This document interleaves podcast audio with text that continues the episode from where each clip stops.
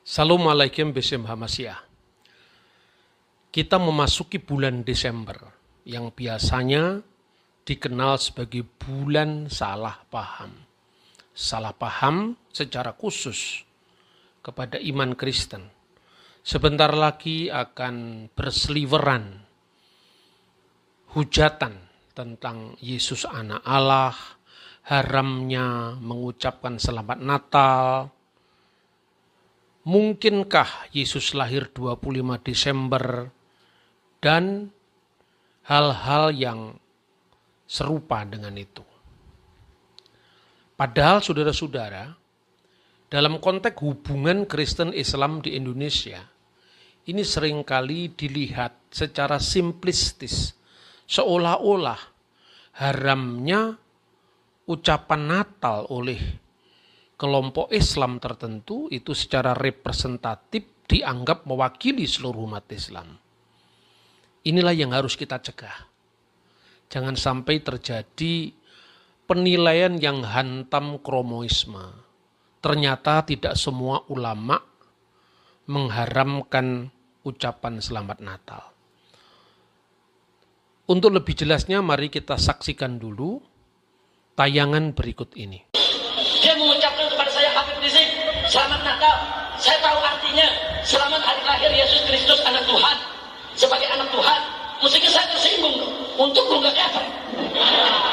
Nah kalau kita tersinggung kan mestinya kita kepret, betul? Mana aja lu anak Tuhan dari mana?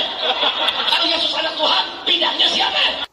Karena orang yang mengucapkan selamat Natal, maka dia sudah mengakui tiga yang pertama, mengakui bahwa Isa anak Tuhan. Yang kedua, mengakui bahwa Isa lahir 25 Desember. Yang ketiga, mengakui bahwa Isa mati di palang salib. Ketiga-tiga ini dibantah oleh Al-Quran.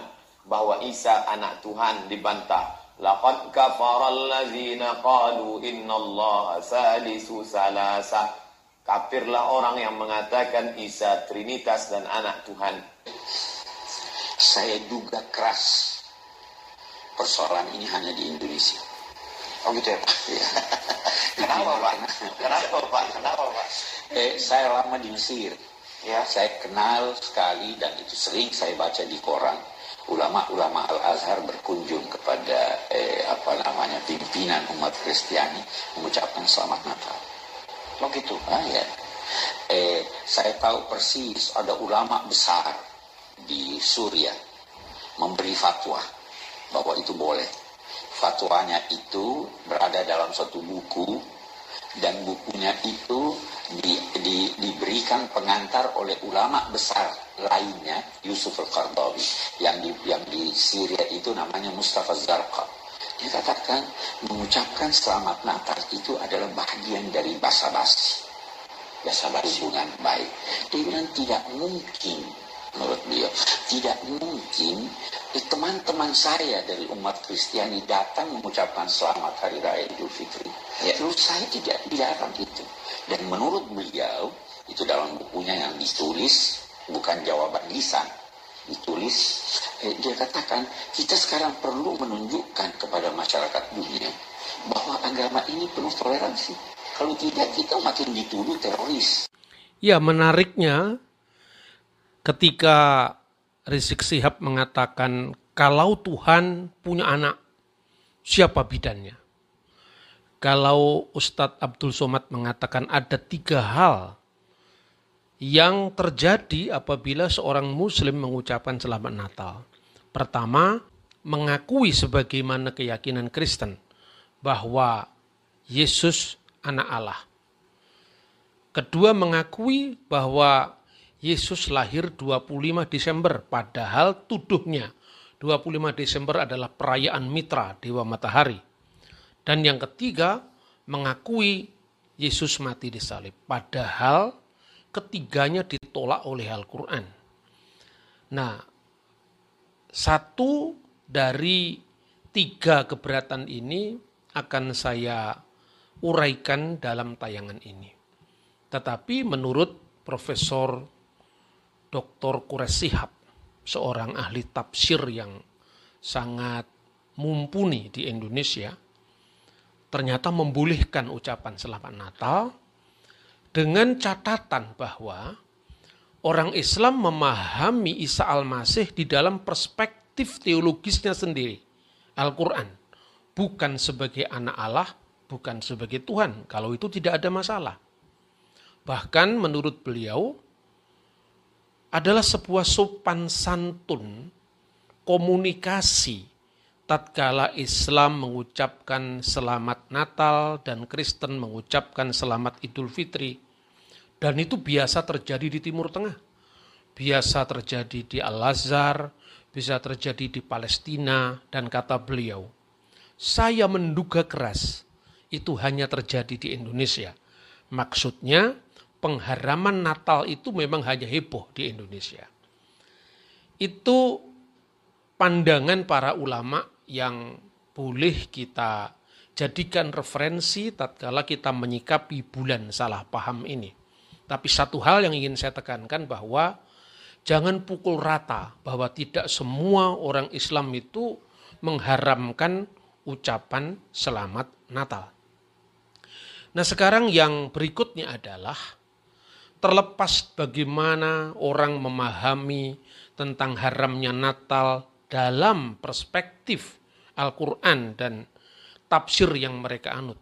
Atau sebaliknya, dalam batas tertentu bisa mengucapkan asal pemahaman teologisnya sesuai dengan pemahaman Islam. Ini yang menurut saya lebih wajar. Tetapi dalam konteks dialog teologis, tentu orang Kristen bisa menjawab apakah anak Allah itu maksudnya Allah beranak? Apakah memang Yesus tidak lahir tanggal 25 Desember? Tentu orang Kristen memiliki hak jawab. Minimum untuk mendudukkan permasalahan yang sebenarnya. Karena dalam hal ini tentu saja entah itu boleh, entah itu tidak boleh, entah itu halal, entah itu haram orang mengucapkan selamat Natal. Toh pihak Kristen tetap harus menjelaskan posisinya jadi katakanlah kalau sekarang saya berdiri untuk menjelaskan posisi kekristenan tentang siapakah Yesus dan bagaimana sekilas tentang tanggal lahirnya. Katakanlah ini bukan sebagai saksi ahli lah, saksi korban.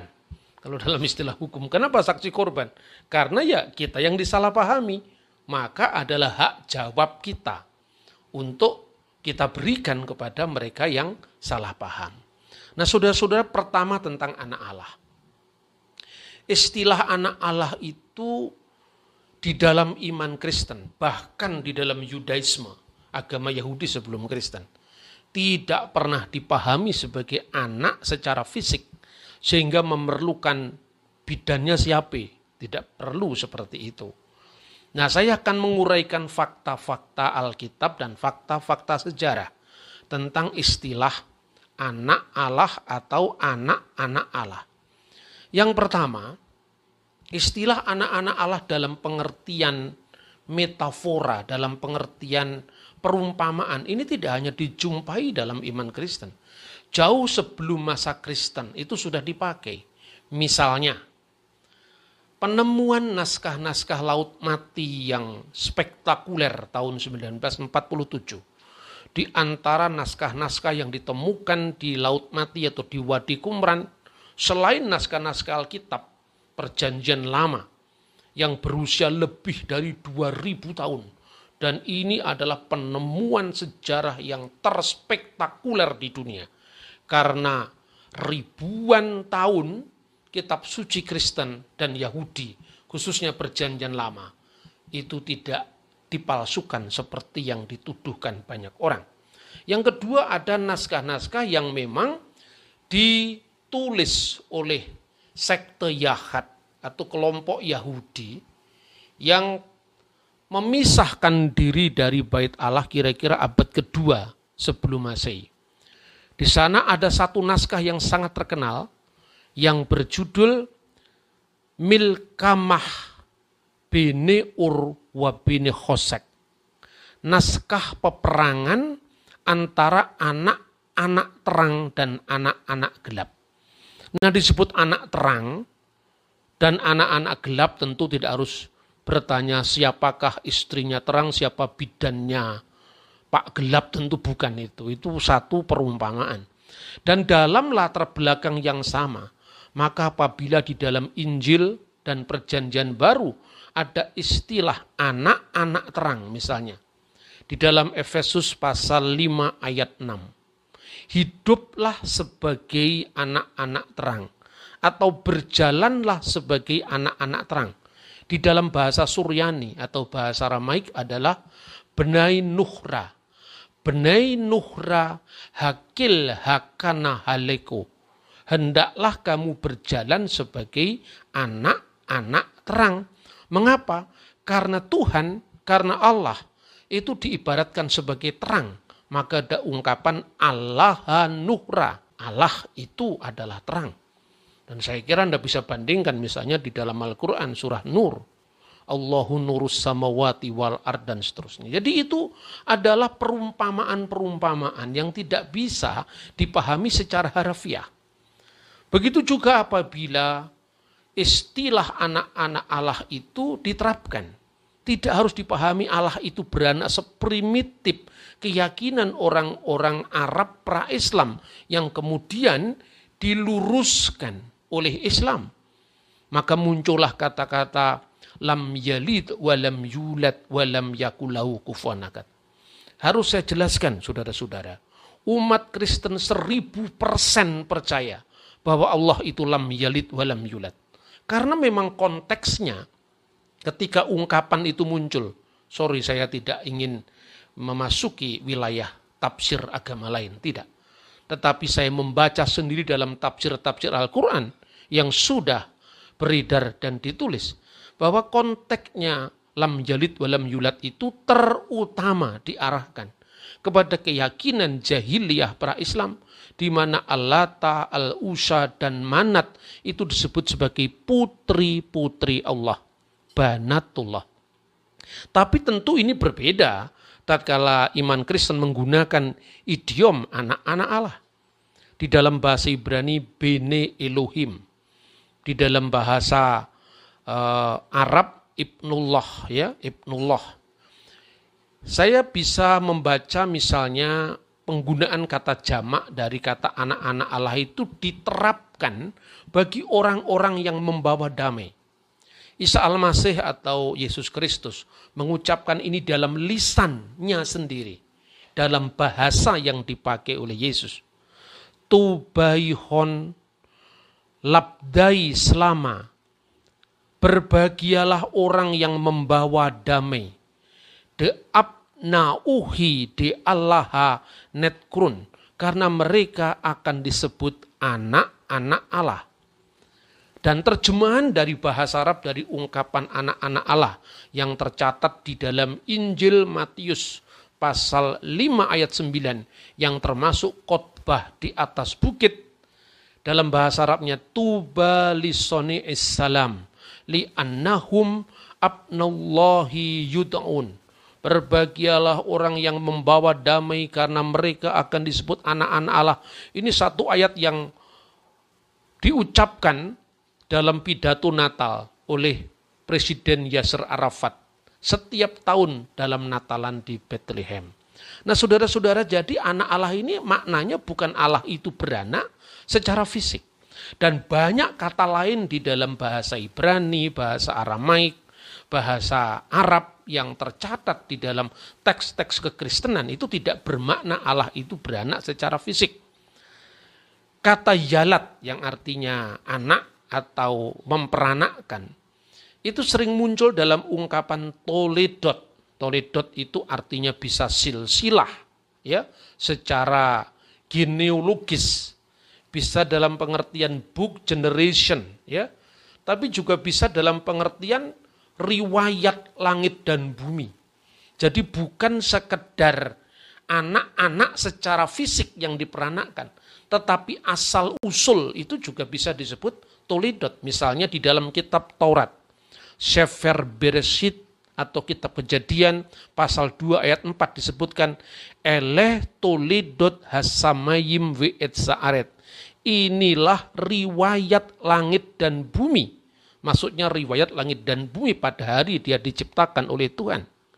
Tetapi juga bahasa yang sama, kata toledot yang berasal dari kata yalat tadi, yelet tadi, juga dipahami sebagai silsilah. Misalnya di dalam kitab Taurat pula. Kitab kejadian pasal 5 misalnya ayat 1. Zeh shefer toledot Adam. Inilah silsilah dari Adam bayom baru Elohim ketika diciptakan oleh Allah. Nah di dalam makna silsilah secara daging, silsilah secara fisik, Yesus juga disebut keturunan Daud, keturunan Abraham.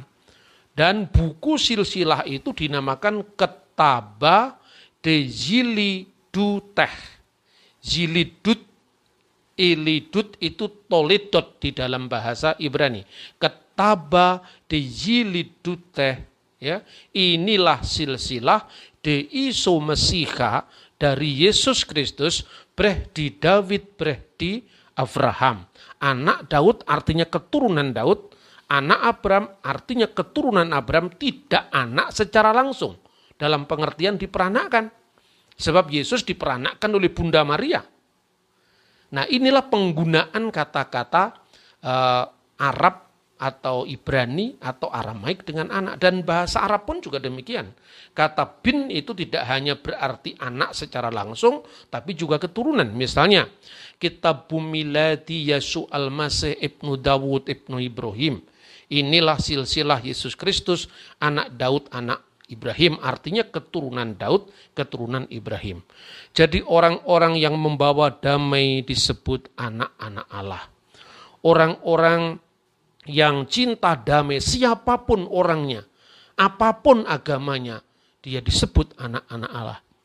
Ini terminologi Injil. Tetapi juga Raja Israel kuno disebut anak Allah.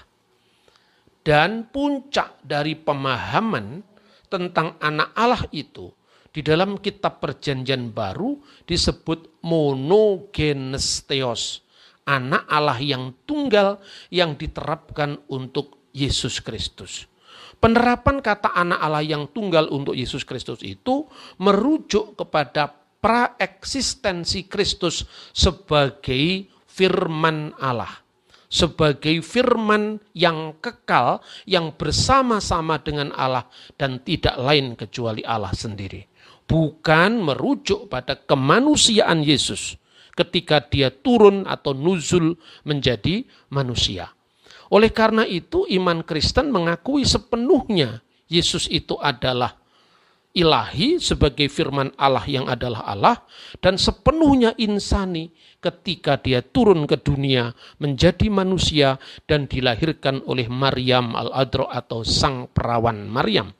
Maka di dalam iman Kristen sepanjang segala abad mengikrarkan dalam kanun al-iman dalam pengakuan iman mereka bahwa Yesus al-Masih bahwa Yesus Kristus itu kamilu billahud wa kamilu bin nasud.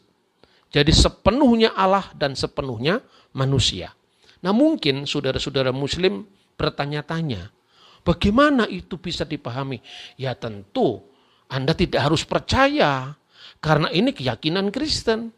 Sama ketika misalnya orang Kristen dengan hormat menyebut Nabi Muhammad Shallallahu Alaihi Wasallam, tapi tidak dalam posisi meyakini seperti kenabian dalam konsep Islam.